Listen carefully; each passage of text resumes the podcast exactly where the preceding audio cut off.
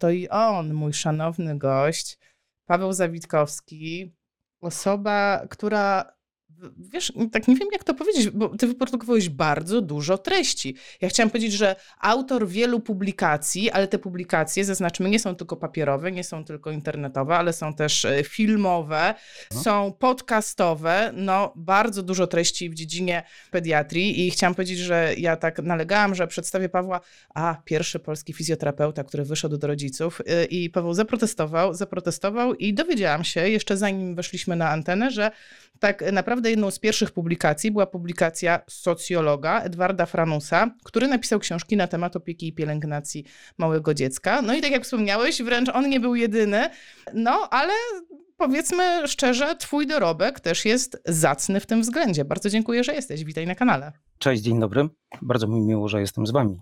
A propos tych publikacji, bo, bo zawsze myślimy, ja już dawno się nauczyłem, żeby, że nie, żeby nie mówić albo nie myśleć, że jesteśmy pierwsi albo coś wymyślili, wymyśliliśmy, dlatego że był Edward Franus, pewnie ktoś tam jeszcze próbował to zrobić, a taką pierwszą, pierwszą w latach 90. bodajże publikacją był strasznie śmieszny poradnik drukowany w, na własnej drukarce rysunki z opieki i pielęgnacji, czyli z tych technik opieki i pielęgnacji. I rysunki robiliśmy to razem z Osią która była moją pierwszą nauczycielką i być może dzięki niej mogłem robić takie rzeczy, jak robię. A powiedz mi, ile to było lat temu? nie, nie jest to żadną tajemnicą. Pierwszy to albo to był 91, albo 92 rok. Wiesz dlaczego pytam? Mhm. Wiesz dlaczego pytam? Dlatego, że zastanawiam się, 91 rok, czyli ponad 30 lat temu, czy przez ten czas coś się zmieniło? Czy to, o czym będziemy rozmawiać, a generalnie tematem naszej rozmowy jest handling, czy mhm. to się zmieniło na przestrzeni lat? Że na przykład kiedyś uważaliśmy to, że nie wiem, tylko śpimy na brzuchu. O, to jest, to jest świetne porównanie. Moja siostra swoje dzieci wychowywała tylko na brzuchu, a moje, ja moje dziecko wychowywałam tylko na plecach, bo na brzuchu nie wolno, bo wiesz, no, śmierć łóżeczkowa nie wolno w ogóle. To jest troszeczkę, jeżeli chodzi o brzuch, nie, inaczej. Najpierw na Twoje pierwsze pytanie. Bardzo dużo się zmieniło i mam nadzieję, że się będzie zmieniało, dlatego że ciągle, no tak jak w każdej dziedzinie, dążymy do, do doskonałości. Poza tym są coraz to nowe wyzwania. Nie będzie tajemnicą, jak powiem, że przed y, tym spotkaniem rozmawialiśmy razem i mówiliśmy o tym, jak bardzo się zmieniają wszystkie uwarunkowania społeczne, warunki środowiskowe komplet bałagan, jeżeli chodzi o konstrukcję taką socjologiczną i tak dalej, i tak dalej, i tak dalej. Nowe wyzwania, ewolucja, postęp e, w technikach, postęp w medycynie, więc to się musi zmieniać. Z tym, że tak jak powiedziałaś o tym, że nie można kłaść na brzuchu, a ktoś tam mm, wychowywał dziecko tylko i wyłącznie na brzuchu, to jest temat, który dotyczy dużych e, liczb tak? Czyli jest Światowa Organizacja Zdrowia, która na podstawie różnych badań stwierdziła, że rzeczywiście ilość nagłej śmierci niemowląt drastycznie spadła od momentu promocji spania e, na plecach, na równym podłożu. Natomiast zawsze, jeżeli mówimy o tego typu zaleceniach, musimy też patrzeć przez pryzmat potrzeb, możliwości i ograniczeń samego dziecka. Tak? Więc jest też takie zalecenie Światowej Organizacji Zdrowia, że jeżeli dziecko obróci się na brzuch albo na bok, to można je tak zostawić. Natomiast generalnie, żeby być e, zgodnym z prawdą, to, to szybko Wam powiem, że większość przypadków nagłej śmierci niemowląt, tylko uwaga, to jest troszeczkę i profesjonalna informacja, i trochę smutna, dlatego że większość dotyczyła dzieci, u których nie rozpoznano wad rzadkich, y, głównie układu, układu krążenia czy układu sercowo-naczyniowego, ewentualnie oddechowego, ale nie tylko. Też zauważalna ilość tych przypadków to była kwestia agresji takiego rodziców y, wobec, wobec dzieci, czy takich nie, niebezpiecznych warunków środowiskowych, czyli palenie papierosów, alkohol, narkotyki i tego typu rzeczy. A i jeszcze jedna rzecz, jeżeli można. Znaczy, sorry, e, narobiłem tego tyle, dlatego że o tym można mówić godzinami, dniami, tygodniami. Pewnie niewielu z Was spotkało się z tak zwaną śmiercią fotelikową. Otóż w, mm, tak naprawdę w Polsce niewiele się o tym mówi, dlatego że my mamy bardzo, relatywnie bardzo krótkie odcinki do przejechania samochodem z dzieckiem w foteliku, z niemowlęciem w foteliku. Natomiast tam, gdzie są duże przestrzenie, mówimy to o Stanach Zjednoczonych Ameryki Północnej, parę lat temu dyskutowano bardzo gorąco na temat tego, że pojawiają się i w jednym roku tam zdaje się było około 400 takich przypadków, co na ilość Amerykanów i mieszkańców Stanów Zjednoczonych nie, nie, to zabrzmi dziwnie, no nie, nie jest dużą liczbą, natomiast pojawiły się tak zwane niewyjaśnione śmierci niemowląt w trakcie transportu drogowego, czyli w trakcie przewożenia ich fotelikami. I są oczywiście dwa tłumaczenia na ten temat. W związku z tym fizjoterapeuci dziecięcy zajmują się, tu też was, was zdziwię, fotelikami samochodowymi i, i nawet udało, udało nam się zaprojektować wkładkę do fotelika samochodowego takiej polskiej firmy Avionaut Ultra Light Pixel, to jest taka wkładka dedykowana tym najbardziej potrzebującym i najmniejszym pacjentom, takim jak wcześniaki czy, czy, czy dzieci z niską wagą urodzeniową i tak dalej, i tak dalej, i tak dalej. Także tutaj jak chcesz, wrzucimy granat do tematu i można mówić na ten temat godzinami. No a czy takie układanie, bo tutaj mam też pytania na czacie, na co z pozycją mhm. na boku, a kiedy poduszka, czy to wszystko, e, czyli to jak ja położę to dziecko, to czy to też jest handling, czy handling to jest tylko wtedy, kiedy jest ten moment, kiedy ja tego dziecka dotykam, czyli albo je obracam, albo je podnoszę. Doprecyzuj to, to określenie dla osób, które po prostu nie mają do czynienia na co dzień z pediatrią. Mhm. Handling z założenia to są wszystkie czynności opiekuńcze i pielęgnacyjne, tak jakby sposób aranżacji otoczenia dziecka, nawet też jeżeli byśmy to, na to spojrzeli trochę szerzej, wszystkie czynności pielęgnacyjne i opiekuńcze, czyli zmiana pieluchy, kąpiel, podnoszenie, odkładanie, przekazywanie z rąk do rąk, noszenie, układanie właśnie w foteliku, nawet bardzo często pozornie błaha rzecz, przypuśćmy, terapeuta pracuje z dzieckiem w, w gabinecie, po czym przekazuje dziecko któremuś z rodziców i on bardzo dbamy o to, żeby niektóre, przynajmniej albo większość dzieci nie brać pod pachę i po prostu rodzic y, odbiera dziecko pod pachami. Tak na kursach i, i w, w, takich rozmowach między terapeutami mówimy, że kurde, poszło się wozić połowa mojej pracy w tym momencie. Czekaj, pod pachę to tak? To, to, to czekaj, to tak? To tak? To... Pod pachy za, za łopatki. Tak jak A, tak, tak, bardzo tak, często, tak, tak, bardzo często rodzice y, chwytają. I teraz y, odpowiem wam, że mo można chwycić w ten sposób dziecko w określonych y, i nic mu się nie stanie. I mówimy tu, tutaj o dzieciach zdrowych. Takich to jest taka kategoria tak zwanych gold standard, po których można przejechać czołgiem w cudzysłowie i, i złam, złamią lufę czołgu i wystrzelają załogę. Tak? I potem wstaną i pójdą dalej. Jest różnie z tymi gold standardami, ale jest taka grupa dzieci, które sobie poradzą z każdym rodzicem i z każdym rodzajem handlingu. Natomiast mm, za każdym razem rasowy terapeuta rozwojowy i specjalista, który się zajmuje dziećmi, musi sobie zostawić taką, taki margines na taką refleksję. W skrócie ją nazwę po co robić niefajnie, jak można zrobić y, dużo, dużo fajniej. Tylko tutaj już e, decyzja należy do tak naprawdę do rodzica, czy on e, w sobie odnajdzie taką potrzebę, żeby my opowiadamy, jeżeli potrzebują takiej opowieści, po to są, po to są te spotkania edukacyjne, czy w, w telewizorze, czy w internecie, czy, czy, czy gdziekolwiek bądź.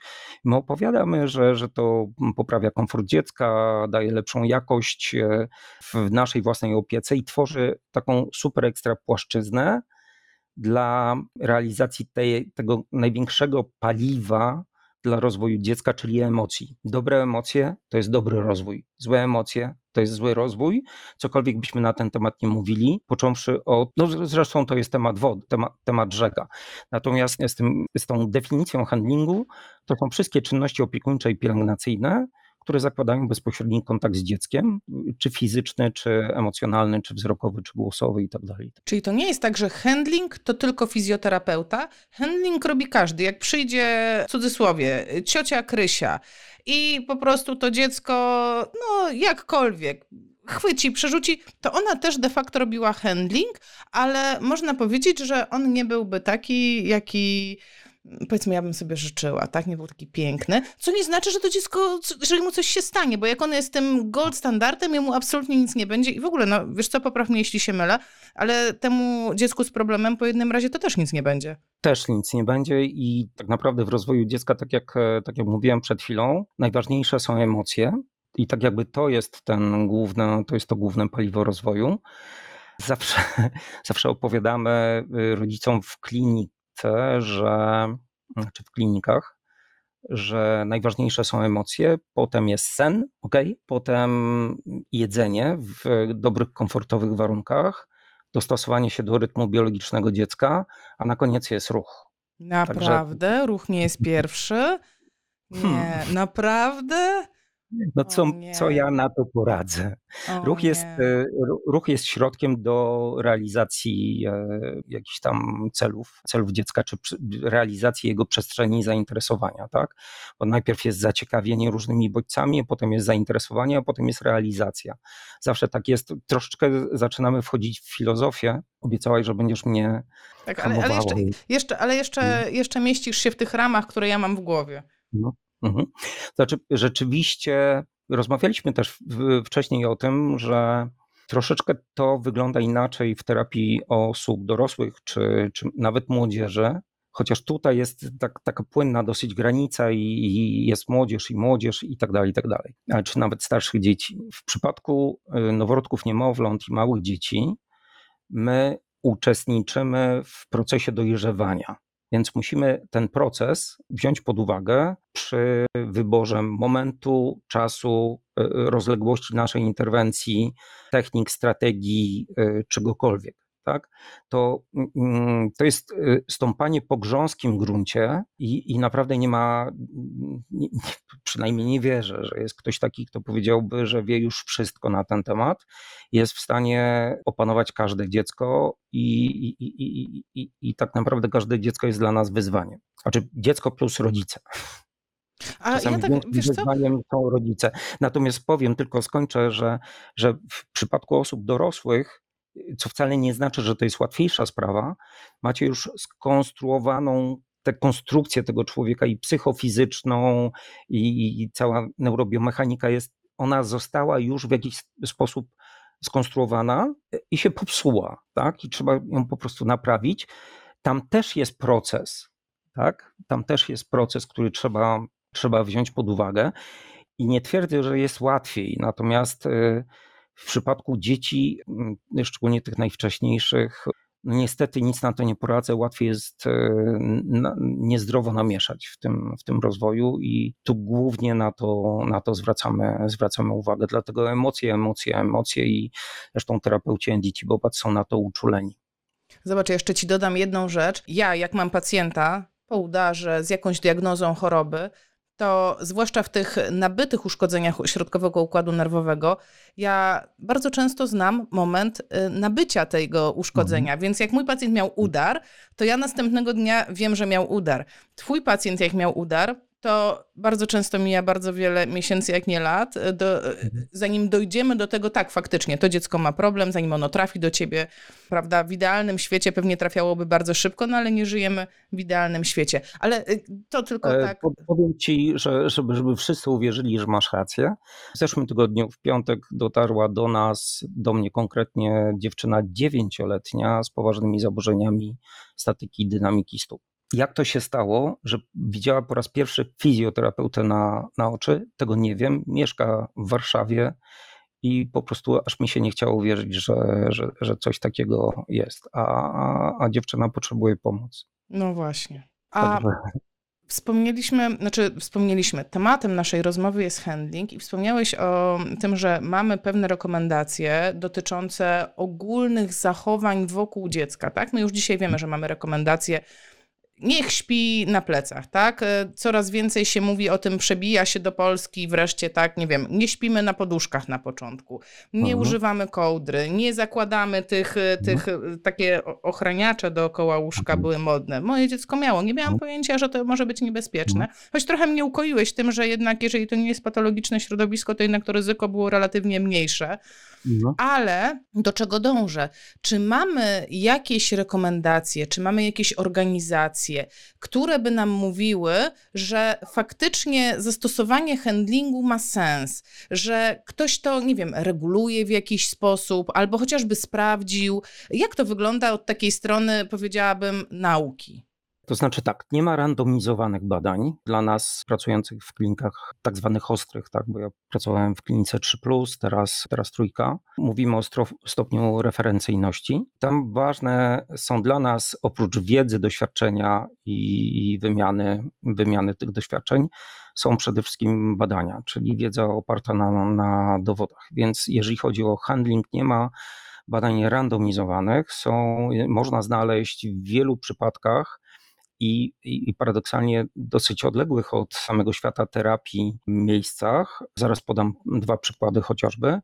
Takie przykłady, gdzie można, można znaleźć dowody na to, że na przykład odpowiednie układanie dziecka potrafi wpłynąć na jego częstość pracy serca i mechanikę oddychania, przez co reguluje też odpowiedź dziecka ze strony, bardziej ze strony układu parasympatycznego na wszystkie bodźce bólowe, stresowe itd., tak itd. Tak I tutaj na przykład takie badania były prowadzone z użyciem e, takiego aparatu NAIPE, który to jest w skrócie to jest, to jest aparatura mierząca optymalną sedację, sedację dziecka na oddziałach intensywnej terapii patologii noworodka, w przypadku kiedy taka sedacja albo analgezja są, e, są, e, są potrzebne.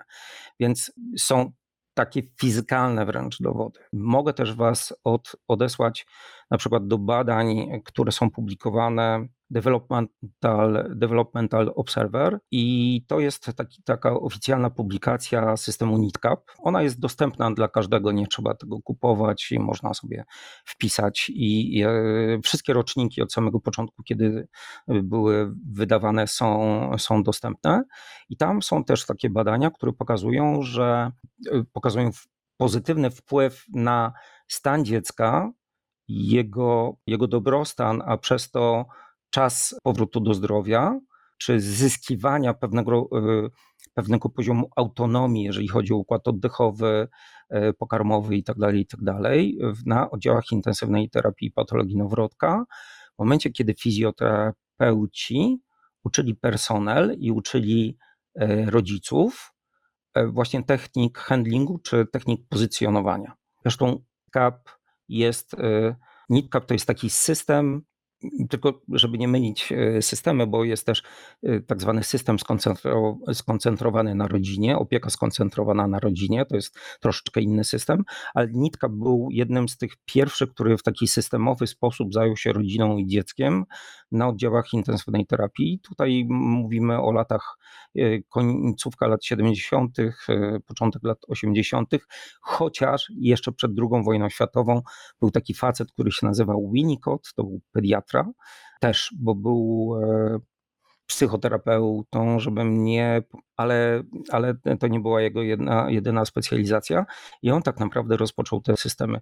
Jeżeli chodzi o, mm, zobacz, ja dlatego na samym początku, zanim rozpoczęliśmy rozmowę, tak samo jak nie ma najlepszego e, terapeuty od wszystkiego, tak samo nie ma tego pierwszego. Zawsze ktoś był pierwszy i, i, zawsze sobie przypominam taką historię. Y, bardzo często mówimy o płaskoziemcach, na przykład, a w odniesieniu do średniowiecza, tym, tymczasem tak naprawdę w średniowieczu wierzono ciągle, że Ziemia jest okrągła, tylko ten jeden błąd, że Ziemia jest w centrum wszechświata, a okazało się, że jest troszeczkę inaczej. I tak samo jest z terapią, ze wszystkim i tak dalej, i tak dalej. Na, naprawdę naprawdę wiele zawdzięczamy tym, którzy byli przed nami, tym, którzy nas uczyli.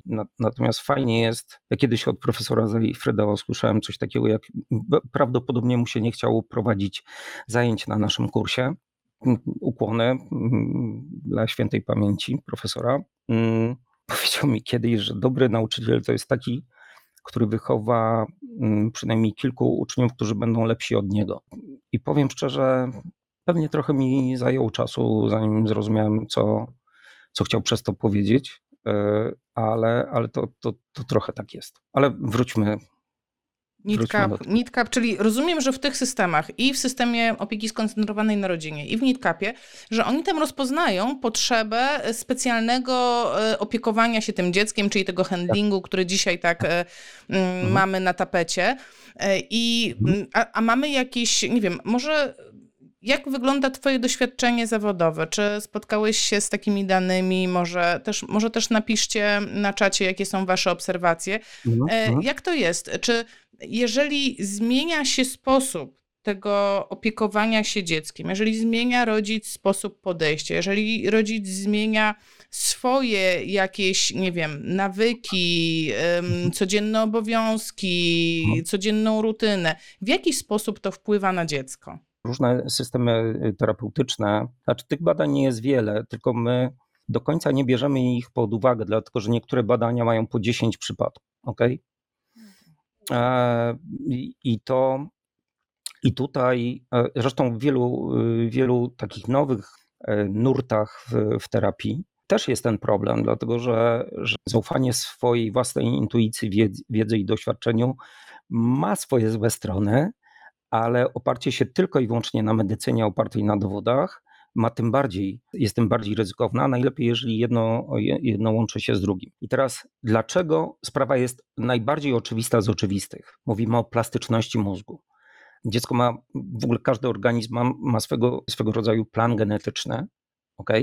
I mówimy o genotypie, a potem zaczynamy nagle mówić o fenotypie, tak? Czyli po prostu pojawiają się cechy, które na podstawie różnych zjawisk biochemicznych, rozwoju, dojrzewania i tak dalej, i tak dalej, i tak dalej, całej, całej, całej tej cudownej historii o, o rozwoju y, wewnątrzpłodowym zaczynają się ujawniać. I teraz genetyki wiemy, że jeżeli za, zajdą określone okoliczności, następuje określona ekspresja określonych genów, które prowadzą do zaistnienia takich, a nie innych czynników do wystąpienia takiej, a nie innej cechy w większym albo w mniejszym stopniu koniec. I to, przepraszam bardzo, ale już bardziej prościej i przaśnie tego nie, nie, nie byłem w stanie opowiedzieć. I e, tylko, że geny to jest jedna rzecz, a środowisko to jest druga rzecz. I jeżeli ktoś się. By, było kiedyś takie pytanie, jeden z bardzo mądrych ludzi odpowiedział na to pytanie w następujący sposób. Otóż pytanie brzmiało, na ile na cechy, charakterystykę tor rozwoju i cechy później dorosłego człowieka e, wpływa genetyka, na ile środowisko. Tak? I on powiedział w 100% genetyka, w 100% środowisko. I to jest bardzo fajna odpowiedź, dlatego że musimy brać pod uwagę e, wszystkie uwarunkowania rozwoju. Nie ma czegoś takiego, że dziecko poddane toksycznej jakiejś e, interwencji sobie zapomni. Jedno być może zapomni, ale mm, pamięć tkankowa pozostaje cały czas. A poza tym bardzo możliwe, i tego nie wiemy na pewno, że u jednego dziecka to zamknie możliwość tak jakby dojrzewania pewnego traktu rozwojowego, a u innego nie zamknie. Ja tego nie wiem. Rozumiesz o co chodzi. Dlatego naszym obowiązkiem, i to tłuką nam genetycy, fizjolodzy, yy, ludziom, którzy zajmują się dziećmi, od samego początku trud, to głowa paruje od tego. Więc nie wolno tego nie brać pod uwagę.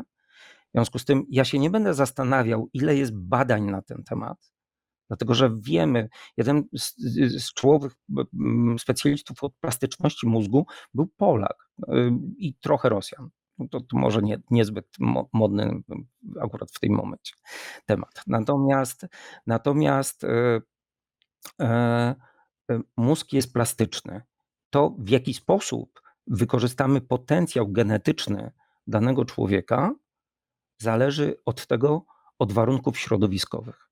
I teraz e, ja w dyskusjach, nie, nie wchodzę za bardzo w tę dyskusję, podaję tylko jeden przykład badań nad y, DDA i DDD, czyli dzieci alkoholików i dzieci środowiska dysfunkcyjnego. Otóż w, w, mm, w mózgach tych dzieci, w ośrodkowym układzie nerwowym, znaleziono deficyty w e, płaszczu mózgu w określonych przestrzeniach, obszarach tego mózgu. I to jest ciemniowy i skroniowy. Okay? I te wszystkie, oczywiście nie ma takiego samego mózgu, nie ma dwóch takich samych mózgów, natomiast, y, natomiast jeżeli cały czas y, y, jesteśmy poddawani Nawet czasami wystarczy przez rok być poddawanym traumatycznym doświadczeniom, to ba, rok. Zaraz Wam powiem o innych badaniach naprawdę świetnych. To jest teorii więzi i są, polecam Wam, y, ci, którzy mają w rękach dziecko, albo mm, swoje w terapii, albo cokolwiek takiego, ale też polecam tych, tym, którzy lubią patrzeć na dorosłego jak taki, taki żywy materiał, który można plastycznie naprawiać Polecam Wam taką książkę profesor Grażyny Kmity od zaciekawienia do zaangażowania. Tam jest bardzo dużo na ten temat. Książka nie jest łatwa, miałem naprawdę ciężkie schody, żeby mm, sobie z nią poradzić. Jest, jest trochę tak, że w, to do, te badania dotyczyły, dotyczyły matek, dzieci hospitalizowanych w pierwszych tygodniach swojego życia, w pierwszych miesiącach. I e, tam było coś takiego, że y, mogę być nie do końca precyzyjna, chcę Wam pokazać zjawisko, fenomen. Mm, w momencie, kiedy matki dowiadywały się, że coś jest, czyli kompletnie runęło poczucie bezpieczeństwa i poczucie ich własnej kompetencji, że coś się dzieje złego z ich dzieckiem, czyli jest zagrożone życie albo zdrowie tego dziecka, i jeżeli ten, ten stres po, ponarodzeniowy trwał krócej niż albo dwa, albo trzy tygodnie, one zachowywały się tak, jakby ten stres cały czas trwał jeszcze co najmniej przez pół roku. Co najmniej przez pół roku to jest tak zwana średnia. Tak?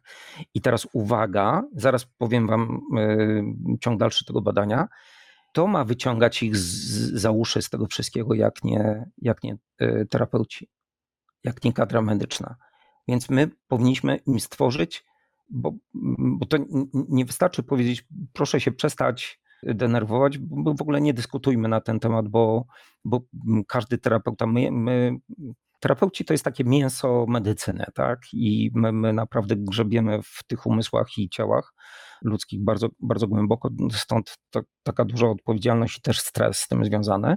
Natomiast, y, na, natomiast my musimy stworzyć im odpowiednie środowisko, które im udowodni, że, y, że mogą być konstruktywni, że mogą odbudowywać swoje poczucie bezpieczeństwa i kompetencji i że mogą powoli zacząć wycierać sobie gumką z głowy e, to poczucie strachu, lęku, niepokoju, w ogóle te wszystkie złe rzeczy. To patrz, teraz, czekaj, wejdę, teraz wejdę, teraz sko, skończę, tylko, skończę tylko badanie. Jeżeli stres trwał dłużej niż 6 miesięcy, E, to, e, to matki zachowywały się tak, jakby ten stres trwał przez następne dwa lata. Czyli niezależnie od tego, co się działo w życiu tego dziecka, ono wyszło ze szpitala i tak dalej, i tak dalej. Zobaczcie, jakie są konsekwencje posttraumatyczne. Tak? I, i, I tutaj, kiedy ktoś się mnie pyta, po co handling, ok? To mówię po to, żeby stworzyć optymalną w danych warunkach jakość życia dla tych dzieciaków i dla e, rodziców. To w przypadku, kiedy nie mamy do czynienia z, jakąś, z jakimś uszkodzeniem, dysfunkcją itd., tak itd. Tak Czy ktoś będzie chciał z tego skorzystać, ja mogę mu to zaproponować i pokazać, że to jest fajne. Tak? Natomiast w przypadku dzieci, które mają stwierdzone albo podejrzewamy uszkodzenia, dysfunkcję, w ogóle zaburzenie toru rozwojowego, i, i te podejrzenia są naprawdę mocne. Handling stanowi nieodzowny element i w zasadzie bezdyskusyjny element terapii. Bezdyskusyjny Patrz. element terapii. Patrz, to uwaga, gotowy jesteś, bo leci niska piłka teraz. Dobra. Paweł, no proszę cię, mózgi są różne. Teraz my już wiemy, że mamy tyle badań obrazowych, że praktycznie nie ma zdrowego człowieka, każdy coś ma. Tyle wieków opiekowaliśmy się, jak się opiekowaliśmy, było dobrze może to w ogóle wszystko ściema. Może tak no. naprawdę po prostu robić jak robić. Wiesz, wolność Tomku w swoim domku i o tym decyduje każdy. Tak? Jeżeli jesteśmy w stanie kogoś przekonać, ja, ja nie mam ambicji przekonać każdego. I, I nie mówię tu tutaj tylko o rodzicach. Naprawdę nie mam ambicji przekonywania e, każdego terapeuty albo lekarza i sama jesteś terapeutką i dobrze wiesz, jakie opinie mogą spotkać każdego z nas e, z, z bliskiej perspektywy i z, i, i z dużo, dużo dalszej. Natomiast naszym zadaniem jest użycie takich argumentów, które są logiczne, poparte dowodami albo przynajmniej wiedzą i doświadczeniem, i zaproponować coś takiego, tak? Natomiast y, zawsze jak ktoś mi mówi, że na przykład kiedyś spowijano dzieci, ok? I nie wiem, gdzieś tam w Mongolii, przypuśćmy, tu, tutaj zagram takiego prymitywa, że w Mongolii to spowija się dzieci, tam wszystkie dzieci są zdrowe i tak dalej, i tak dalej. No też nie wszystkie dzieci. Po, po drugie, nie do końca wiemy, czy są na pewno zdrowe, a po trzecie, mamy już badania na ten temat, na temat spowijania, że... Przepraszam, e, zdefiniuj spowijanie, żeby wszyscy spowijanie, wiedzieli, co to jest, to, jest takie, to spowijanie. Takie ciasne owijanie małego dziecka, żeby, żeby było takie wtulone w siebie. Kiedyś e, spowijało się tak, że ręce były wzdłuż ciałka, teraz ktoś pomyślał, że mo mogą być takie, takie tak złożone albo tutaj na, na, na krzyż, ale najczęściej gdzieś tutaj. I ciasne spowijanie tego dziecka.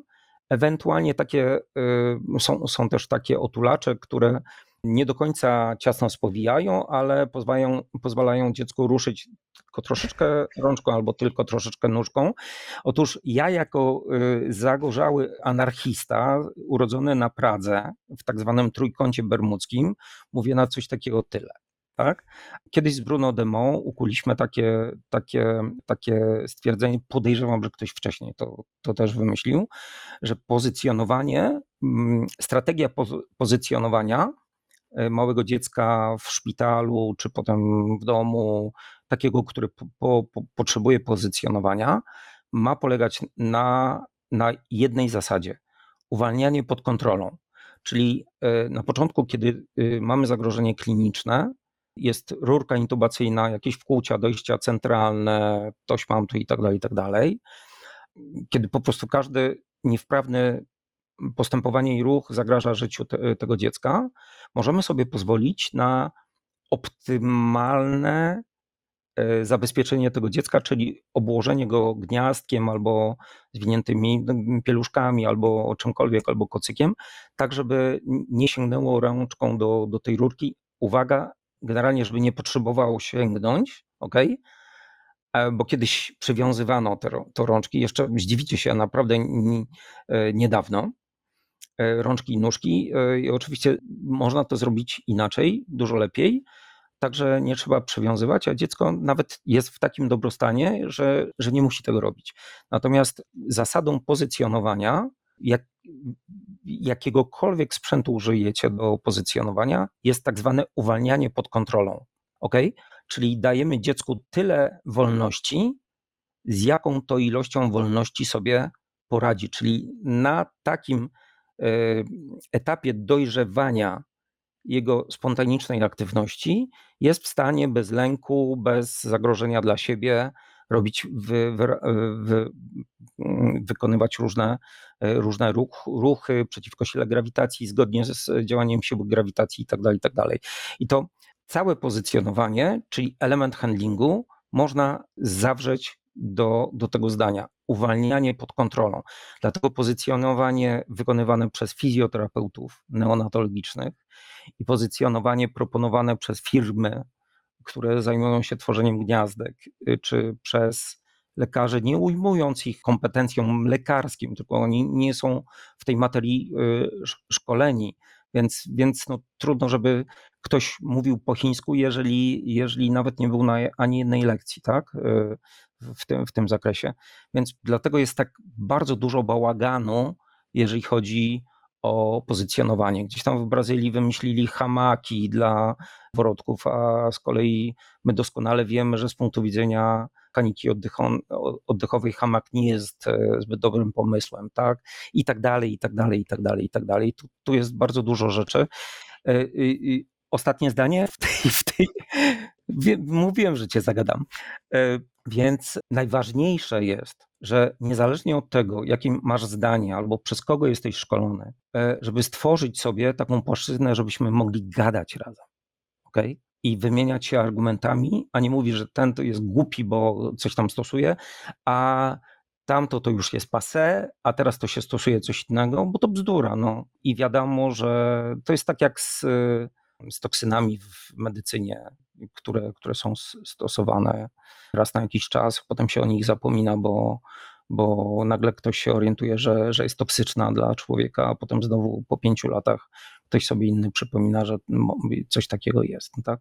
Także, także ta płaszczyzna, na której możemy się wymieniać naszymi doświadczeniami, z założeniem takim, że jak ktoś otwiera buzię, to znaczy, że może się trochę na tym zna, to wa warto słuchać. Tak? Wiesz, ja mam wrażenie, że nam, terapeutom dorosłych, jest łatwiej takie mam wrażenie, że mamy mniej wątpliwości, że bardziej, jakoś tak nam łatwiej. Wiesz, nie wiem, może więcej badań mamy, trudno, trudno mi powiedzieć. Wiesz, więcej śmiałam się. Mhm. Chyba tak. Mhm. No jakoś tak jakoś tak to jest bardziej klarowne. Tak mi się wydaje. Ale wiesz, śmiałam się w pewnym momencie, bo mówisz o spowijaniu i uświadomiłam sobie, że raz spowiłam dziecko. Raz spowiłam. O, to nie był dobry pomysł. W wypadku mojego ja dziecka. Ja Matko oszalał. Dostał no. szału, natychmiast go z tego wyjęłam. E, ale wiesz, też jak mówiłeś o tych gniazdkach, o tym pozycjonowaniu, które daje, tak jak ja to rozumiem, tyle podparcia temu dziecku, że ono nie musi walczyć, bo ja to zawsze mówię, nie musi walczyć z siłą grawitacji, tak? Że y, robi tylko to, ile może, dlatego że ty je zabezpieczyłeś, ty jesteś tym, tą jego kontrolą posturalną, której mu brakuje. Popraw mnie, jeśli się mylę. I mhm. wiesz co, to jest, to brzmi, u dorosłych my to nazywamy terapia bazalna, tak? Czyli mhm. Y, kocykujemy tego człowieka, mhm tu wałeczek, tam poduszeczka i wiesz, jak no. ja wróciłam z kursu terapii bazalnej i przyszłam do domu i mówię, mały, y, mały miał wtedy 10 lat, mówię, ja, cię, ja tutaj muszę, ja ci pokażę, jak to wygląda. I moje dziecko, które nienawidzi absolutnie wszystkiego, a bez ruchu to już najbardziej, jak ja go tak y, zakocykowałam całego, on był najszczęśliwszy na świecie. Mówi, mamo, jak dobrze, jak cudownie, jak można się rozluźnić. I rozumiem, że to jest to, tak? Jak ktoś nie zna się na dzieciach, nie był na oddziale noworodkowym, y, ale ale zna się trochę na neurologii, to, to e, ta opieka taka wczesna to jest troszeczkę jak terapia bazalna u dorosłych. Tak, to jest, to jest taki e, zewnętrzny support, taka zewnętrzna, y, mm, niestatyczna, tylko dynamiczna stabilizacja. Dlaczego dynamiczna? Dlatego, że te, te, te wszystkie rzeczy pozwalają na ruch, ewentualnie na pchanie w, w to gniazdko albo w te pieluszki, tak żeby mm, mm, symulować tak jakby opór, y, mm, nawet jeżeli, y, jeżeli mówimy o tych gniazdkach, które są tylko na podłożu, y, taki opór, ale taki opór, który dziecko jest w stanie po, pokonać. ok? Albo zmienić kierunek ruchu. Przepraszam, te ręce latają przed tym, ale terapeuci dziecięcy dużo, dużo machają rękami. No w każdym razie mm, to, to wszystko musi być w 3D, 4D albo cokolwiek takiego. Dlatego też y, przykrywamy noworodki, wcześniaki, noworodki, nie, niemowlęta, przykrywamy od góry na przykład pieluszką, i w zależności od tego, czego potrzebuje dziecko, czasami jest to cięższa pieluszka albo czasami lżejsza. Nie ma to nic wspólnego z kocykami obciążeniowymi i, i tego czegoś takiego nie stosujemy, chyba że e, rozpoznamy taką potrzebę dziecka. Natomiast jeżeli mówisz o terapii bazalnej, to jest e, godzina 20.46. E, wszyscy albo prawie wszyscy, którzy nas słuchają, sobie zrobią taką terapię bazalną, jak się położą do łóżka. To jest dokładnie to samo. My w, wchłaniamy pod siebie poduszki, coś tam, chyba że jest partner, partnerka, to też jakoś próbujemy y, wykorzystać go do, jako podnóżek albo jako, jako stabilizacja albo cokolwiek takiego. Ciało człowieka potrzebuje podłoża. Patrz, zabiłeś mi pytanie. Nie, no, zabiłeś mi pytanie, bo ja miałam przygotowane po prostu Jest. pytanie, niska piłka, y, leci następna, no bo jednak chciałam powiedzieć, że bazalną to my stosujemy u ludzi, nie wiem, u pacjentów śpiączkowych, u pacjentów neurologicznych, u pacjentów ciężkich, no ale jednak u zdrowych osób nie, a ty mi tutaj mówisz, że jak ja sobie podkładam poduszkę pod siebie. Jak ja sobie tutaj, wiesz, poduszkę pod rączki podkładam, żeby mi nie zdrętwiały w nocy, a pod kolanko, żeby mi nie zdrętwiało bioderko i tak się zatopię w tym wszystkim, mam taki fajny materac, taki mięciusi, cud, mam tak dobry materac i po prostu kładę się i czuję się jak w chmurce i ty mi mówisz, że ja sobie robię bazalną i ja tak sobie myślę, że w sumie, no w sumie, no w sumie to można tak powiedzieć. No ale mhm. do portu No to znaczy, że taki sam handling robimy u dzieci, które mają problem, y, mają jakieś patologiczne wzorce, mm, mają no jakieś swoje problemy, już nie wnikam w to jakie, a dokładnie taki sam y, dzieciom totalnie zdrowym, czy jednak to się jakoś tam różni? No bo jednak umówmy się, że, Bardzo. że w Mhm. bazalnej, jak ja tym kocykiem okręcę pacjenta, no to siebie tak nie okręcam, sobie podkładam mhm. poduszkę pod kolano. Mhm.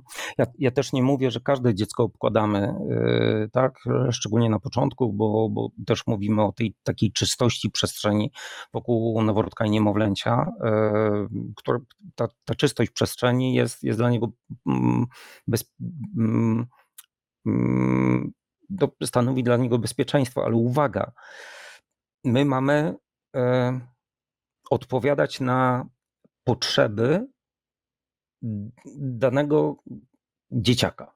Ok?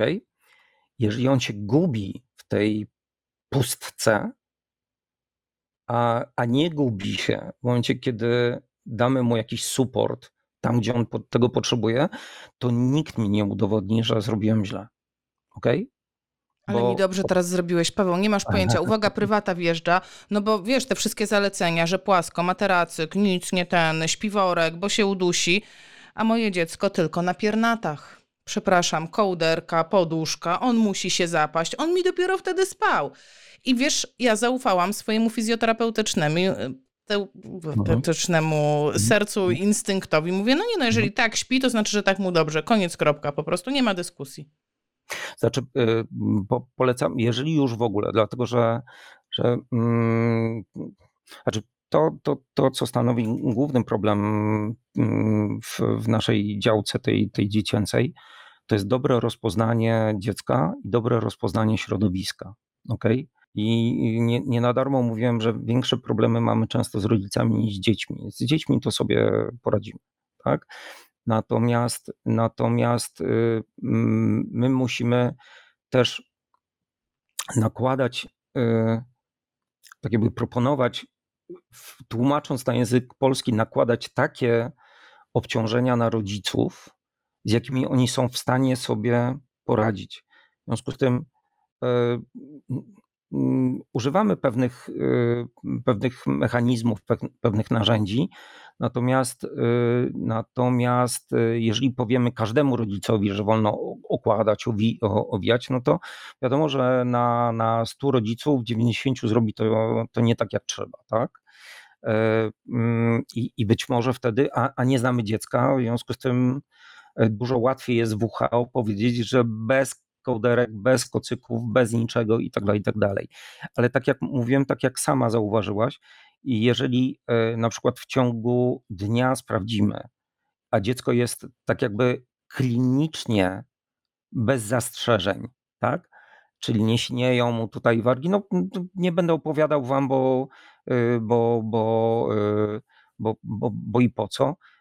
Pediatra, jeden, drugi, trzeci zbadał dziecko, wszystko jest ok, w rodzinie nie ma jakichś ukrytych wad, y, nie wiem, systemu sercowo-naczyniowego, różnych innych takich historii, wykluczone są różne inne historie e, y, m, jakieś niebezpieczne. W związku z tym możemy sobie pozwolić na troszeczkę freestylu, e, jeżeli dziecko tego potrzebuje.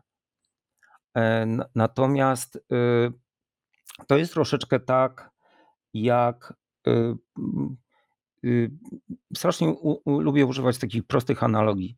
Przychodzą rodzice i mówią: e, Proszę pana, y, nasze dziecko ma 4 miesiące i nienawidzi leżeć na boku.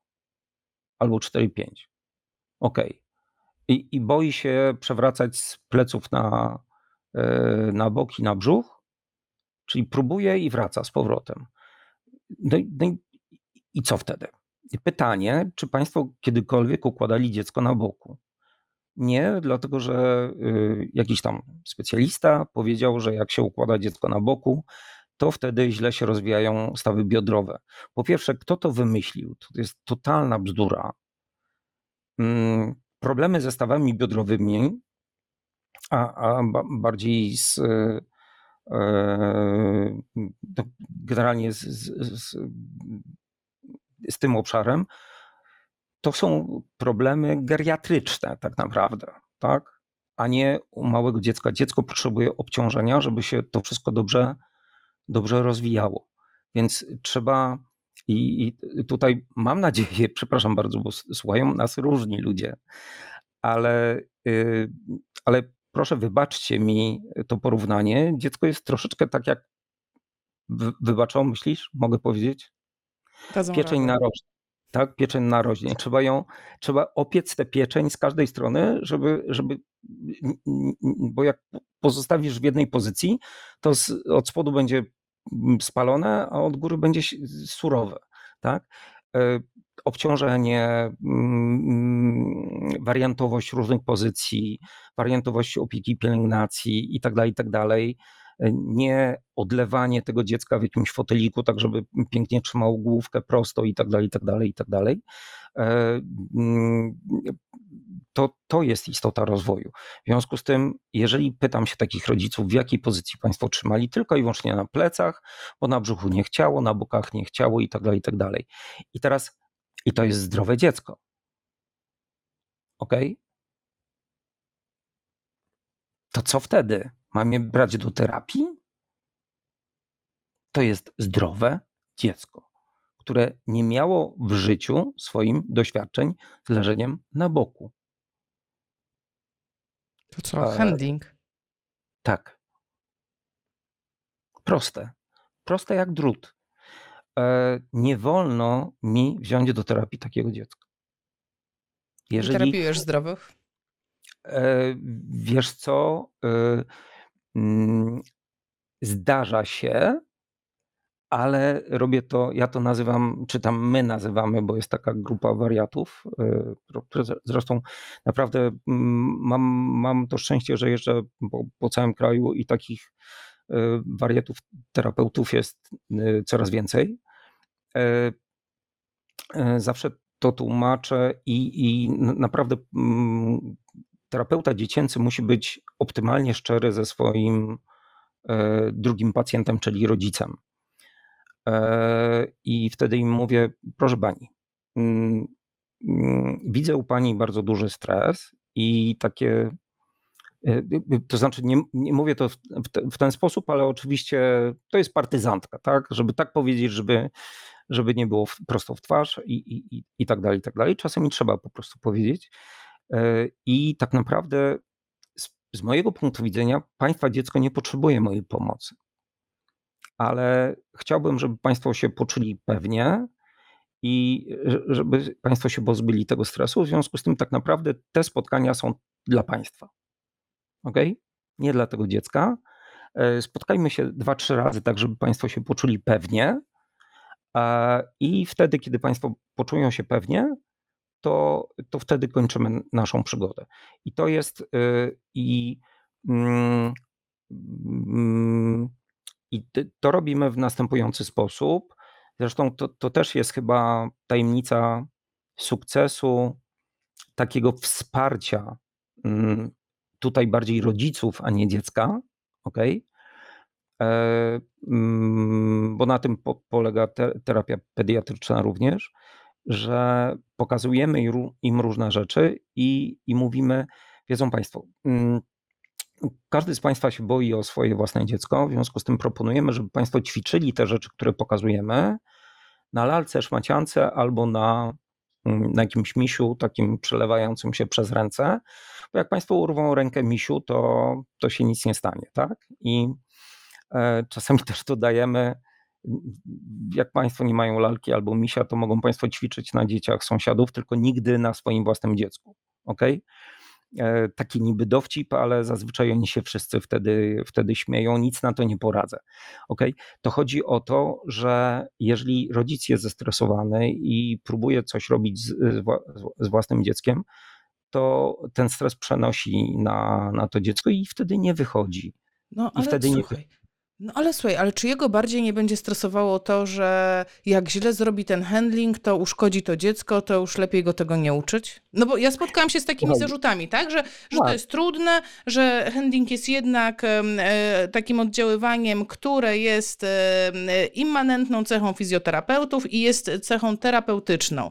No to teraz e, podajemy to rodzicom, e, no i oni się będą bali I podobno, znaczy podobno, przepraszam, no nie podobno, tylko No. moje koleżanki mówiły mi, tak, wiesz, Asia, rzeczywiście mamy takich rodziców, że nie przychodzą i oni, i oni się boją, bo właśnie przeczytali twoją książkę, bo tam było napisane, że handling i oni, i oni teraz nie potrafią tego handlingu.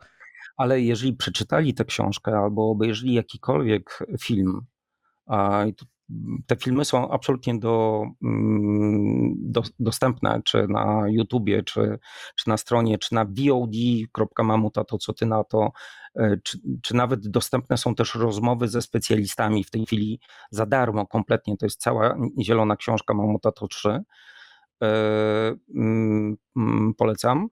E, Za każdym razem, i tu jest różnica między propozycją właśnie tych specyficznych technik opieki, pielęgnacji e, dla dzieci zdrowych i e, ta, ten cały świat terapii, czyli albo wsparcia w przypadku dzieci, które miały jakieś przygody z, e, z, mm, z medycyną, bo na przykład przypuśćmy, rodzi się dziecko urodzone przedwcześnie, ale nie ma żadnych, mm, żadnych wad, uszkodzeń, fajnie przeszedł przez ten okres e, szpitalny, dosyć wcześnie wyszedł, ale uwaga, jest wcześniakiem. Jego układ nerwowy rozwijał się w niefizjologicznych warunkach.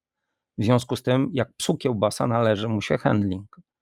Tylko mówimy, że to nie jest po, tera- y, to, to nie jest y, po to, żeby go terapeutyzować, tylko żeby mu zadośćuczynić y, za, za te niefizjologiczne warunki dojrzewania jego, jego y, wszystkich układów. Tak? tak, żeby stworzyć mu optymalne warunki do optymalnego wykorzystania jego potencjału. I to jest, na przykład mamy tak zwanego zdrowego wcześniaka. Okay? I takich wcześniaków jest większość. Tak?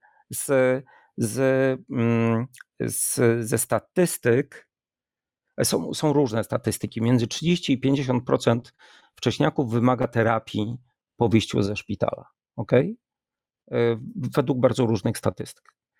E, Niektórzy twierdzą 30, niektórzy twierdzą 50, ale y, znakomita większość wcześniaków nie wymaga terapii, ale jak psu kiełbasa, tak jak powiedziałem, należy im się wsparcie. Z tym, że to wsparcie należy się rodzicom i tak jak jest to e, robione w nowoczesnej neonatologii, my szkolimy rodziców, my dajemy wsparcie rodzicom, oni już tak jakby uzbrojeni w określone narzędzia wspierają w rozwoju swoje własne dziecko. Taka jest rola fizjoterapeuty w tym najwcześniejszym okresie. W związku z tym, tak jak zacząłem, jeżeli ktoś przeczytał i e, albo obejrzał filmy, a nie tylko słuchał kogoś, kto mu coś opowiedział, ok, to doskonale wie, że tam zawsze opowiadamy, że y, zdrowe dziecko poradzi sobie z każdym rodzicem i z każdym handlingiem. Chyba, że to jest rodzina dysfunkcyjna, ok? I y, o tej rodzinie dysfunkcyjnej y, nie mówimy, czasami sobie żartuję i, i mówię rodzicom, że nie wyglądacie na rodzinę dysfunkcyjną, więc poradzicie sobie ze wszystkim, tak? E, na- Natomiast, y, natomiast y, to nie musi być precyzyjne. I tak, i tak na przykład dużo bardziej jestem zadowolony z książki Co nieco o rozwoju dziecka, która była dużo bardziej precyzyjna, jeżeli chodzi o jakość y, realizacji różnych technik. Potem ktoś powiedział, dostałem ileś tam mm, zwrotów informacji, że, że to jest za trudne technicznie, więc zrobiliśmy to, to co ty na to, które już nie jest takie precyzyjne technicznie. ok? I powiem szczerze, nie do końca jestem z tego zadowolony. Dlatego, że na przykład, zresztą rozmawialiśmy na ten temat wcześniej, że jeżeli przekazujemy jakąś y, informację terapeutom, lekarzom, położnym, pielęgniarkom, to musi to być top of the top, tak? Bo wiadomo, że potem jak przetwarzają te informacje, to ta jakość y, troszeczkę się obniża. Dla- Dla, dlaczego? Dlatego, że szkolenie kadry medycznej powinno być na najwyższym poziomie po to, żeby oni sobie mogli pozwolić na to, co wszystkim rodzicom opowiadamy. Mamo, zrobisz to po swojemu. Ważne, żeby to dziecko doznało na samym początku troszeczkę obrotów, trochę rotacji, trochę zmiany pozycji, a nie żeby było noszone jak słup telegraficzny cały czas, tak? Dlatego, że przyjdziesz mamą do mnie po czterech miesiącach, tak? I powiesz, że twoje dziecko, jak nosisz je przodem do siebie, to się odchyla do tyłu i skręca głowę w jedną stronę, i pediatra was do nas przy, przysłał. I powiem wam dokładnie to samo, co teraz. Powiem wam, e, spróbujcie się nauczyć tych różnych metod noszenia, tych różnych metod podnoszenia, odkładania itd., tak itd. I żaden pediatra się do was nie przyczepia, a już na pewno nie do waszego dziecka. Dlatego, że to dziecko pozna różne możliwości swojego ciała, różne płaszczyzny, zakresy, mm, możliwości tego ciała i, i, i ruchu i tak dalej, i tak dalej. Poczuje się, poczuje się po prostu bezpiecznie, tak? Bo y, z małym dzieckiem to, to troszeczkę jest, y, jest tak, że, że trochę fascynuje, ale też troszeczkę niepokoi to wszystko, co jest nowe, tak? I są dzieciaki, które mają taki motorek odrzutowy w tyłku i niezależnie od stopnia zagrożenia spróbują wszystkiego. Mm, I, I, bardzo dobrze, ale są też dzieci, które po prostu potrzebują wsparcia rodziców. No, wszystkie dzieci potrzebują wsparcia rodziców, tak? Tak samo jak tego obłożenia poduszkami czasami, żeby po prostu na, spokojnie zasnąć. E, takim wspólnym mianownikiem tego wszystkiego są jednak emocje, tak? E, I, e, i my nie wiemy, co, mm, co, y, znaczy nie do końca jest, znaczy, bo trochę się zapultałem, ale, ale chciałbym, żebyście zrozumieli, że to nie chodzi o to, żeby dziecko zdrowe, którego mama i tata zaczną się bawić technikami opieki i pielęgnacji, zostało supermanem albo mistrzem świata w kajkarstwie górskim. To chodzi o to, żeby mm, właśnie stworzyć mu optymalne warunki do, do rozwoju e, w takim bazowym wymiarze poczucia bezpieczeństwa na podłożu, na rękach, e, przy ciele, w przestrzeni. E, I, e, I często tego uczymy. I teraz powiem jeszcze jedną rzecz, ostatnią, akurat w tym, w tym, tym bo, bo, bo, bo zaraz i tak, i tak będziesz mnie tutaj strofowała, że wolę zaproponować coś takiego rodzicom, dlatego że ci rodzice, to, to już są obserwacje, nie, nie mamy badań na ten temat, są dużo bardziej gotowi do eksploracji świata razem z dzieckiem, a nie nakazywać temu dziecku y, korzystać z jakichś y, y, kreatywnych zabawek i różnych innych takich historii. Oni się uczą swojego dziecka dużo lepiej, zaczynają czuć je lepiej. ok? Przestają to dziecko traktować jako element swojego życia, a zaczynają traktować jak istotę swojego życia, o tak powiem. E, I to, to zauważamy. Ta, ta, mm, ta więź emocjonalna, ja wiem, że ktoś może powiedzieć, że a, nie masz dowodów na ten temat. Przepraszam bardzo, znajdźcie dowody na więź emocjonalną. Dobra? Wiesz, nie jesteś pierwszy, który to mówi na kanale. Chciałam ci powiedzieć, e, był gościem kilkukrotnie Wojciech Kozłowski, który pracuje z dziećmi z niepełnosprawnością sprzężoną e, mhm. i on też tak to widzi, tak? On też kładzie mhm. nacisk na to, że to nie jest, mhm. że fizjoterapia to generalnie nie jest realizowanie mojego programu ćwiczeń, czyli odniesienie mhm. się do tej ruchomości, do tych zakresów, do mhm. tego napięcia mięśniowego, tylko to jednak jest na pierwszym miejscu spełnienie potrzeb tego dziecka i w dużej mierze potrzeb właśnie tych e, emocjonalnych łączności, bliskości. Tak, na, na tym się opiera w ogóle przez wszystkie nowe trendy, trendy w pediatrii i w, i w terapii. E, dlatego, że jeżeli ja działam wbrew, e, znaczy tak, e, ktoś może powiedzieć, że ja mam zadanie do wykonania i mam pół godziny, no my mamy dużo więcej czasu, zawsze sobie bierzemy trochę więcej czasu przypuśćmy godzinę albo czasami nawet więcej, chociaż żadne dziecko nie wytrzyma godziny. Mówię o takim małym niemowlaku, ale, ale, ale zawsze sobie, sobie dajemy ten zapas czasu. Ktoś może powiedzieć, mam zadanie do wykonania. Tak, masz rację, każdy z nas ma zadanie do wykonania. Tylko, mm, tylko jeżeli dziecko zaufa terapeucie, to pójdzie z nim konie kraść. Ok? A że trzeba czasami na to poświęcić jedno, dwa, trzy spotkania, jeżeli mamy przed sobą perspektywę kilkuset spotkań albo kilkudziesięciu, poświęcenie jednego, dwóch, trzech spotkań to naprawdę niewielka, niewielka cena, a y, korzyści na przykład, bo każdy rodzic, jeżeli y, zobaczy, że, e, że tak podchodzimy do dziecka i szanujemy tego gówniarza i, e, i, i szanujemy ich i mówimy otwartym tekstem, to, to jest rodzic kupiony i on, y, i on, no, on ma taką bazę do tego, żeby zrozumieć, że że to, co proponujemy, służy dobru jego i, i, i, jego dziecka. I opowiadamy troszeczkę o gułach w tej chwili, dlatego że tam ostatnio y, rozmawiałem w samochodzie z, z taką moją koleżanką pracy, z pracy z, y, z Dominiką i coś mi się wymsknęło z, z, z ust, że dobry terapeuta to jest taki, który pracuje głową, a na końcu rękami. Tak? Zupełnie przypadkiem, ale zdaje się, że przypadkiem się udało, udało powiedzieć, e, jaka jest istota naszej pracy, tak? I ja powiem Wam szczerze, zrezygnowałem z pracy z dorosłymi, dlatego że wkurzało mnie strasznie, że nie mogę do końca przeprowadzić procesu terapeutycznego, bo zawsze ci dorośli potem nie mają czasu, nie przychodzą, albo Panie Pawle, nie możemy przyjechać, bo mamy jakiś projekt do zrobienia i tak dalej. Nie wiem, jakie, jakie są Wasze doświadczenia, e, ale wybrałem dzieci. Hmm? Yy, I, yy, I dlatego, że miałem nadzieję, że i, i tak przez wiele lat było, że, że, że po prostu tutaj ta determinacja, żeby dokończyć coś i że tak jakby zamknąć temat, yy, jest dużo większa. Troszeczkę się to teraz zmienia, to jest też znak czasów, o, o tym mówiliśmy na samym początku i troszeczkę do tych czasów się powinniśmy dostosować. Wiesz, e, nawet nie wiem, co powiedzieć, dlatego że mam zapisanych 15 pytań, które miałam zadać, e, ale już popłynęliśmy dalej.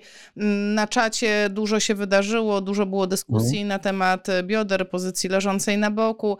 Mhm. Jeśli ogląda nas ktoś, kto zajmuje się zawodowo organizowaniem konferencji, kurczę, może zróbcie konferencję wśród terapeutów dziecięcych i panel ekspertów, niech wszyscy się wypowiedzą i jakiś konsensus. Ja nie wiem, czy jest jakaś taka rada w Polsce, pediatryczno-fizjoterapeutyczna, tam, mhm, mhm. żeby jakieś rekomendacje wydała, takie konkretne, kiedy to, to tamto to wszystkim żyłoby się łatwiej. To jest takie moje spostrzeżenie. E, bardzo dużo się działo na czacie. Wybaczcie, że nie wszystko czytałam. Po prostu y, nie dane, nie dane mi było w dniu dzisiejszym, ale to tylko oznacza, e, Paweł, no, że no słuchaj, liznęliśmy temat, y, że no mam nadzieję, no. że może jeszcze kiedyś skusisz się i przyjdziesz do fizjopozytywnych i pogadamy o czymś, e, albo rozwiniemy jakiś temat, e, bo na przykład mnie bardzo zaciekawiło, no fajnie, fajnie, trzy terapie, zanim się poznam z dzieckiem. Tutaj na czacie e, Ilona pisze,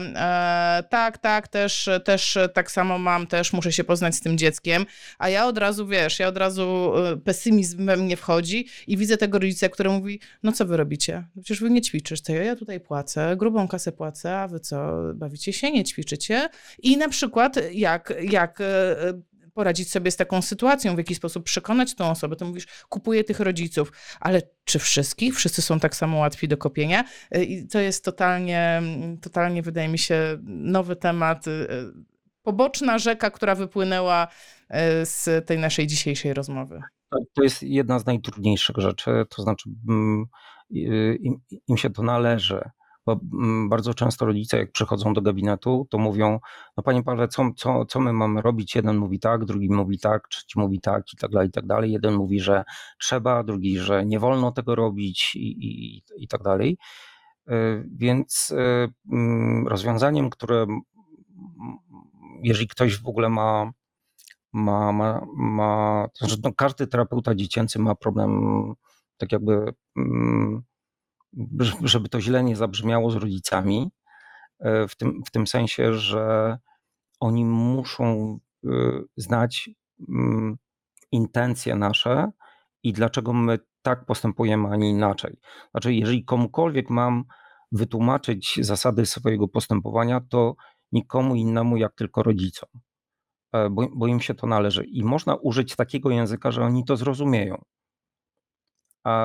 I, i, I tu jest ta trudność, żeby tak jakby dostosować się do odbiorcy, e, ale no, terapeuci dziecięcy za to biorą pieniądze, tak?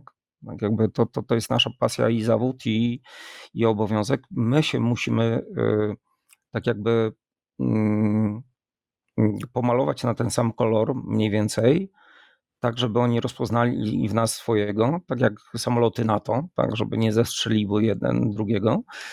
E, I, i dopiero wtedy dyskutować e, na, na, na te różne tematy. Y, ja nie twierdzę, że to jest proste. Ja twierdzę tylko i wyłącznie, że to jest nasz obowiązek. Tak?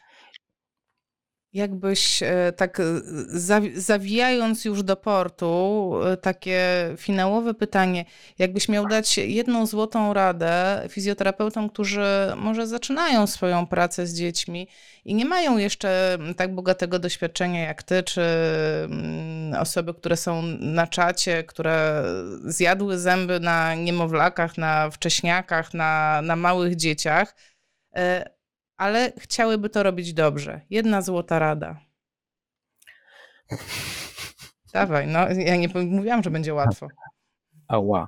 Znaczy, y, to, to, to może wynegocjujmy. Najpierw będzie złota rada, a potem wam powiem o tym trójetapowym podziale, y, bo, bo to jest taki klucz, dobra? Y, to potrwa krótko. Złota rada to jest taka, żebyście nie odważali się pracować sami.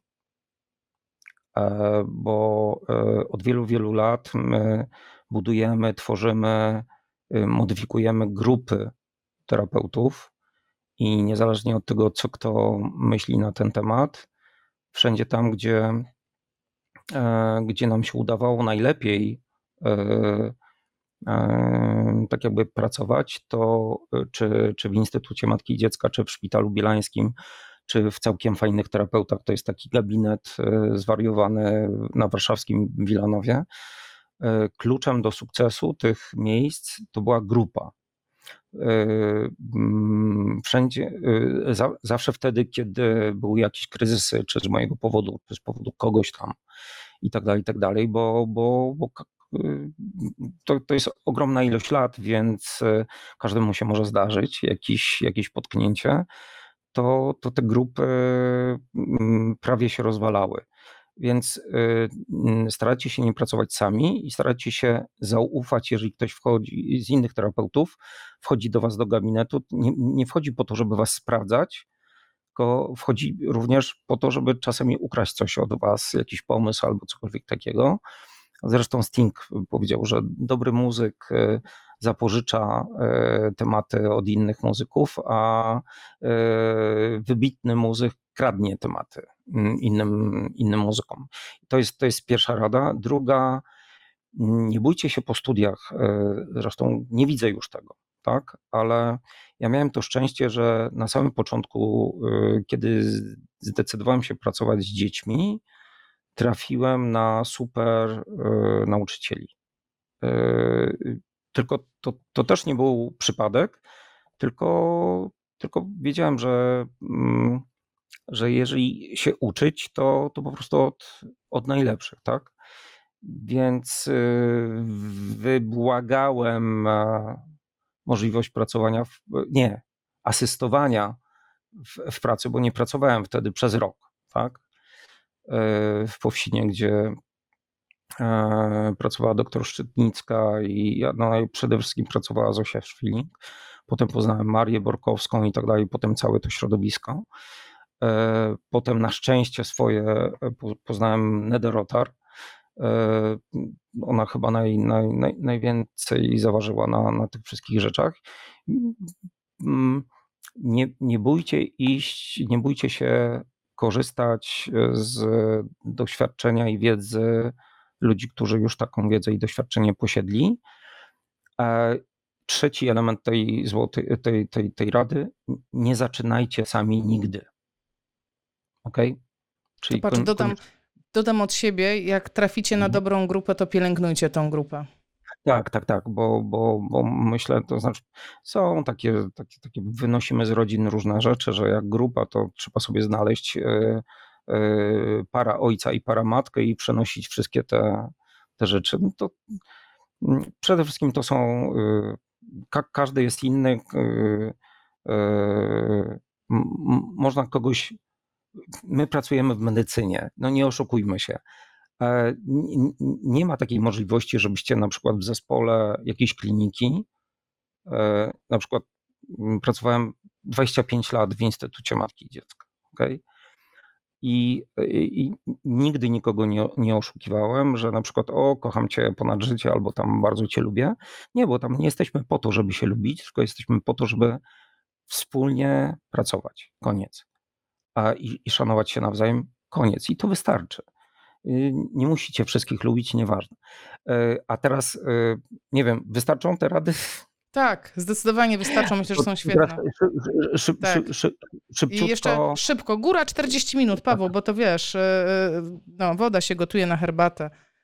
E, mm, mm, Dzięki różnym doświadczeniom mm, i e, e, mm, y, opracowaliśmy mm, z grupą terapeutów e, mm, i w Instytucie i w Szpitalu Bielańskim taki trzyetapowy system interwencji, właśnie po to, żeby nie przeginać z interwencją, dlatego że nadmiar interwencji albo nieodpowiednia, albo w nieodpowiednim czasie e, więcej szkodzi niż, e, niż pomaga.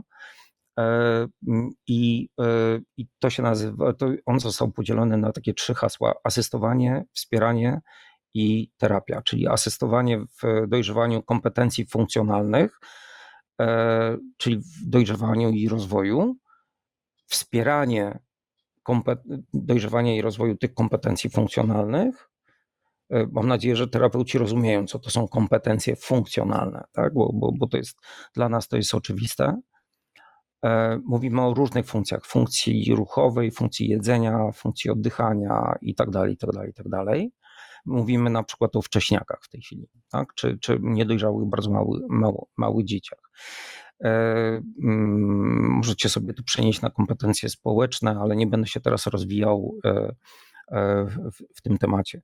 I teraz, y, jeżeli mm, mówimy o tym pierwszym etapie, czyli asystowaniu w dojrzewaniu tych kompetencji funkcjonalnych, to jest nic innego jak tworzenie optymalnego środowiska, które by zadośćuczyniło temu, że to dziecko się rozwija nie w funkcjonalnym, w, w, nie fun, w niefunkcjonalnych warunkach środowiskowych, czyli poza e, środowiskiem płodowym. Okay?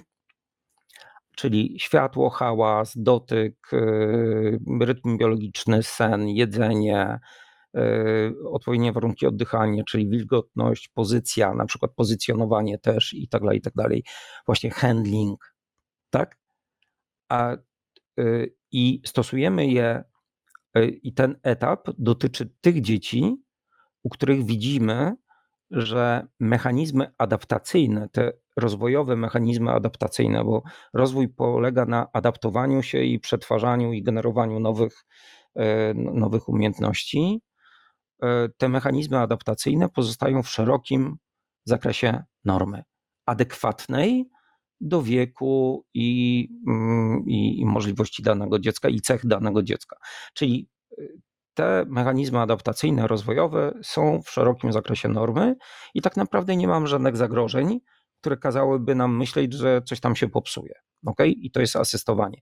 Zero terapii w tym momencie. Nie wolno nam stosować terapii i nie wolno nam mm, molestować rodziców działaniami terapeutycznymi. My jesteśmy tylko, pojawiamy się wtedy, kiedy jesteśmy potrzebni, przedstawiamy się, mówimy, że postaramy się zrobić tak, żebyście przeżyli te, te chwile w szpitalu mm, albo, albo po szpitalu w, w optymalnych warunkach, tak, żeby, żeby jak najszybciej o tym wszystkim zapomnieć i, i do widzenia.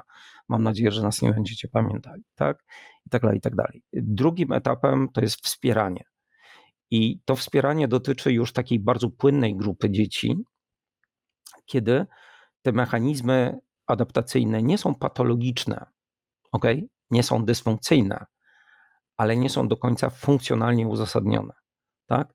Czyli po prostu y, dziecko z na przykład z wysoką elastycznością tkanki łącznej, czyli ścięgna więzadła torebki stawowej po więzie, wcale nie z bardzo niskim napięciem mięśniowym, ale trochę niskim, czyli takie dziecko, które trochę gorzej sobie radzi z działaniem siły grawitacji, trochę bardziej cierpi ze względu na cofanie się treści żołądkowej do przełyku czy pasaż jelitowej, czyli te warunki są dużo trudniejsze. E, y, zaczynam wymyślać jakieś takie rzeczy, że e, jeżeli chodzi o swoje mechanizmy adaptacyjne, e, mm, że kompensuje sobie te, te nieprawidłowe warunki rozwojowe, na przykład przerostem aktywności wyprostnej, co zaczyna niepokoić tam kogoś i przedłużają sobie e, e, różne te pierwotne e, wzorce zachowania, wzorce postawy i ruchu, przedłużają sobie w sposób nieuzasadniony na późniejsze miesiące, ale, ale tak naprawdę to dziecko nie jest chore, tak?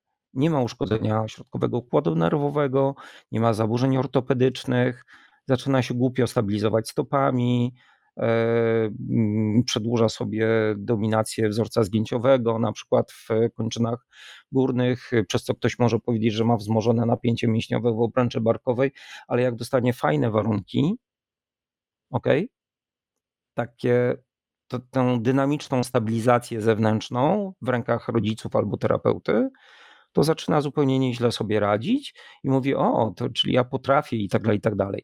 I to, to jest to wsparcie, tak? I na przykład mówimy y, tutaj o dzieciach, które odstają troszeczkę od tej tak zwanej średniej krajowej, jeżeli chodzi o cechy y, biomechaniczne, tak? Y, to jest cała naprawdę bardzo płynna grupa dzieci. Tutaj można sobie wrzucać do tego worka wszystkie dzieci, które nie prezentują żadnych objawów ani nie podejrzewamy, że one mogą prezentować jakiekolwiek objawy e, dysfunkcji zaburzeń albo, e, albo uszkodzeń, tak? Z jakiejkolwiek, e, z jakiejkolwiek dziedziny. I to jest wsparcie. Natomiast. A, czyli... daj, daj mi chwilkę, bo Ilona mhm. pyta, no ale czy takie wsparcie to w sumie nie jest już terapia? Jeszcze nie. Jeszcze nie. Jeszcze nie i tutaj y, trzeba sobie, y, się nauczyć bardzo bić siebie samego po łapkach, żeby nie rozpoczynać tej terapii, dlatego że y, w terapii na, na, na czym polega różnica? Jeżeli mamy uszkodzenie ośrodkowego układu nerwowego, to dziecko samo nie poskłada swojego potencjału do kupy mm, i nie wygeneruje prawidłowego, optymalnie zbliżonego do prawidłowego wzorca postawy i ruchu. Ok? Bo nie ma takich możliwości, bo ma uszkodzenie albo dysfunkcję. A yy, i my musimy mu przed. To tak, takie archaiczne słowo, przepraszam, ale jeżeli mi wszyscy e, e, enditowcy wybaczą, to go użyję, ale użyję go na, po prostu na potrzeby ludzi, którzy, którzy z endici nie, niewiele mają wspólnego, troszeczkę przetorować pewne pomysły. Ok? Czyli zaproponować konkretne, określone e, rozwiązania, dlatego że on sam ich nie wymyśli. Tak? I oczywiście moderujemy y, jakość wykonania, czy, czy czasami musimy się wycofać, dlatego że okazuje się, że, że akurat mm, mm musimy obrać troszeczkę inną strategię albo zaproponować trochę inne mechanizmy, i wtedy dziecko zyskuje coraz więcej autonomii w swoim ruchu. Tak? Ono, ona nigdy nie będzie bardzo dobrej jakości, ale w tym wypadku, owszem, o jakość też chodzi, ale bardziej chodzi o autonomię tego dziecka. ok? I, i często mówimy, że e, e, znaczy, nie chcę być źle zrozumiany. Czasami lepiej jest być trochę krzywym, ale niezależnym, niż prostym, a zależnym totalnie od wszystkich i, i, i wszystkiego. I to jest, to jest terapia. Natomiast wspieranie to jest tak jakby troszeczkę asystowanie temu dziecku w jego e, e, głupich pomysłach i mówienie mu, zobacz, w ten sposób zrobisz to szybciej, efektywniej i lepiej. A, I na przykład jak rodzice się pytają, a czy to może grozić różnymi konsekwencjami, na przykład wady postawy albo cokolwiek takiego. Więc najfajniej by było powiedzieć, że tak bo terapeuci rozwojowi wiedzą, że na przykład szereg różnych kompensacji może powodować na przykład do torsji miednicy e, i jeżeli to się utrwali, to, to, to, no to, to prawie na pewno mamy, mamy wady postawy. Albo no, jest szereg różnych rzeczy, to można sypać z rękawa. Macie podobną, e, podobne problemy w terapii dorosłych. E, natomiast, e, mm, natomiast mówimy im, że e, mamo, nie wiem. Tak? Bo na dwoje babka wróżyła, do końca nie znam waszych takich preferencji, tak? Jeżeli jesteście rodziną sportową, to, to wiem, że będziecie tak jakby zasypywali mm, to dziecko różnymi doświadczeniami, które grożą śmiercią i kalectwem, ale tak się nie kończą tak? I bardzo się z tego cieszę i, i, i dokładnie na tym polega, polega dzieciństwo. E, natomiast e, to wspieranie, asystowanie to jest takie bycie obok i wspieranie rodziców, ok? I tworzenie optymalnego środowiska. Wsparcie w rozwoju, w dojrzewaniu to już jest ingerencja terapeuty, ale bardziej moderowanie, ok? Czyli coś w rodzaju coachingu, czyli wyciąganie z tego dziecka tych troszeczkę lepszych pomysłów zamiast tych, zamiast tych gorszych i, i to, to, to jest niesłychanie trudne, dlatego że my już nie stoimy z boku, tylko my wspieramy po to, żeby powiedzieć e, dzieciakowi: Słuchaj, nie tą przecinką przez las, weź, chodź tutaj, wróć, tylko tą przecinką przez las, spróbuj. Dobra? A, a jak on nie chce, bo się uparł, to, to szczerze, na każde dziecko jest jakiś sposób. A powiedz mi, czy można gdzieś sobie doczytać, jakby ktoś był zainteresowany, no bo to znowu otwieramy tak naprawdę duże wrota, dyskusji, kto jak definiuje terapię, kto jak definiuje interwencje terapeutyczne, co jest fizjoterapią, mhm. a co nie jest, a co należy do rodziców, a co nie należy, tak? To jest bardzo szeroki temat i mhm. no, pole po prostu do dyskusji. E, czy gdzieś można znaleźć e, trochę więcej informacji na temat tego trójetapowego podziału interwencji mm, terapeutycznych? Tak. To zostało opublikowane chyba 4 albo 5, nie, 5 czy 6 lat temu. E, w standardach medycznych e, są co roku wydawane standardy medyczne e, opieki noworodkowej na, mm, na oddziałach szpitalnych i drugie standardy medyczne opieki ambulatoryjnej dla, dla byłych wcześniaków. Dlaczego w tej grupie, y, dlatego że tam łatwiej jest to wszystko nazwać, łatwiej jest to wszystko usystematyzować. Dużo trudniej jest y, to nazwać, usystematyzować w grupie dzieci donoszonych. Natomiast w przypadku wcześniaków tam mamy troszeczkę e, łatwiejszą robotę e, w wytłumaczeniu i uzasadnieniu określonych form interwencji terapeuty. I teraz, jeżeli Y, y, czyli standardy medyczne opieki ambulatoryjnej dla e, dzieci przedwcześnie urodzonych. E, jeżeli mm, e, spojrzycie sobie na stronę standardów medycznych, tam to jest, mm, tam to jest opublikowane.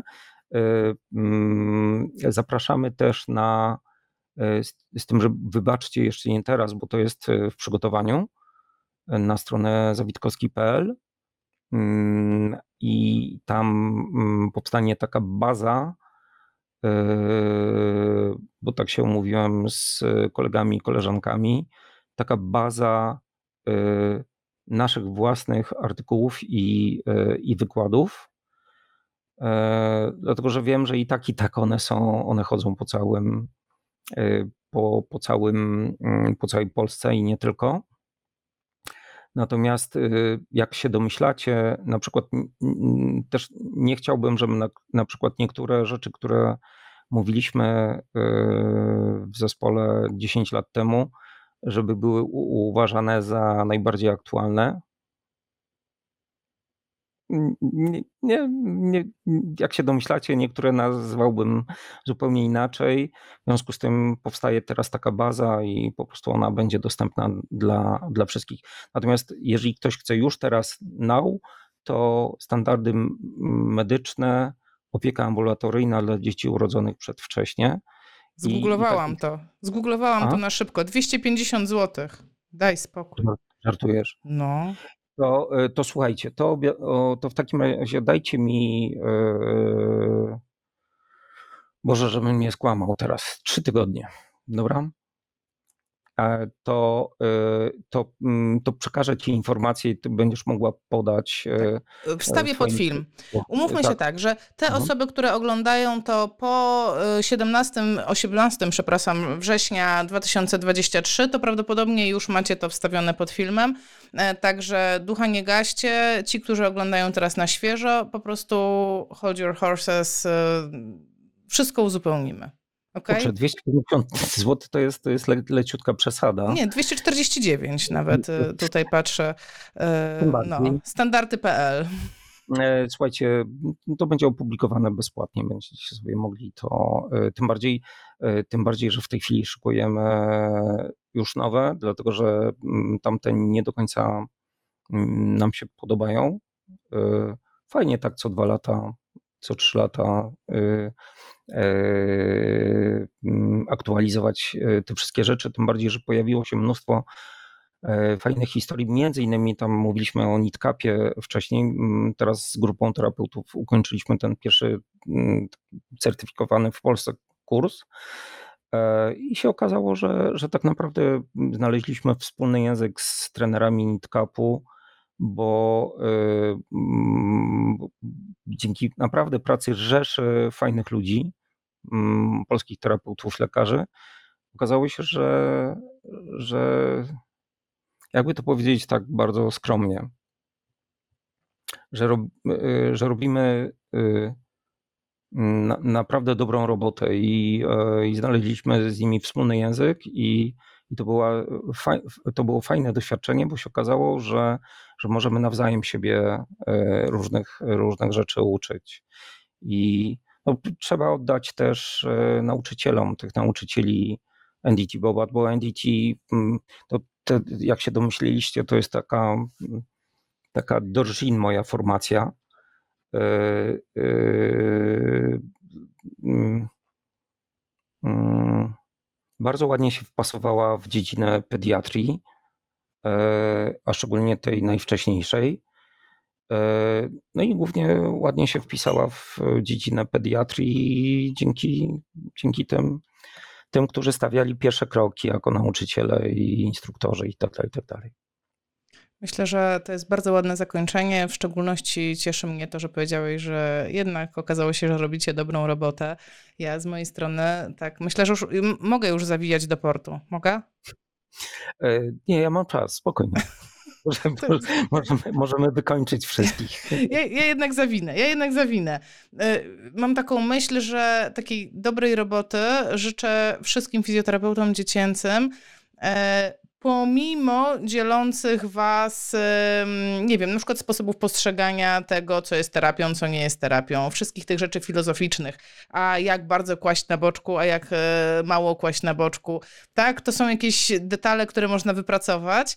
Mhm. No i tego chyba języka porozumienia chyba najbardziej no. Wam życzę. Mhm. Znaczy, dziękujemy. Tym bardziej, że no, tak jak mówię, naprawdę ludzi, fajnych takich wilków, którzy, którzy strasznie chcą być dobrze w tej materii jest, jest naprawdę bardzo dużo. To jest wymagające, dlatego że trzeba naprawdę spiąć pośladki, żeby, żeby ciągle być e, na bieżąco. Mm, ale to, to jest fajna zabawa. Naprawdę pediatria, kurczę, to, to jest kosmos. Mech.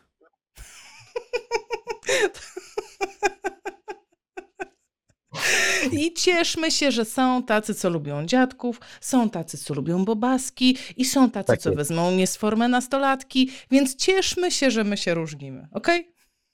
Dokładnie tak. Dobrze. Paweł, Bardzo bardzo, Ci dziękuję. Bardzo Ci dziękuję za e, tą mega obszerną rozmowę. Bardzo Wam dziękuję, że zostaliście z nami do końca. Bardzo dziękuję za wszystkie miłe słowa. Mnóstwo miłych słów dostałeś. Mnóstwo osób w ogóle zostało z nami do końca, e, a jednak to jest już bardzo, bardzo długo. Rano idziemy do pracy. Ty też pewnie rano idziesz do pracy. Bardzo, bardzo dziękuję. No i liczę na to, że nie był to Twój ostatni raz na Wizję Pozytywnych. Dziękuję Wam wszystkim, naprawdę. To, to, to była duża przyjemność. Dzięki. Do zobaczenia. Cześć. Pa, pa.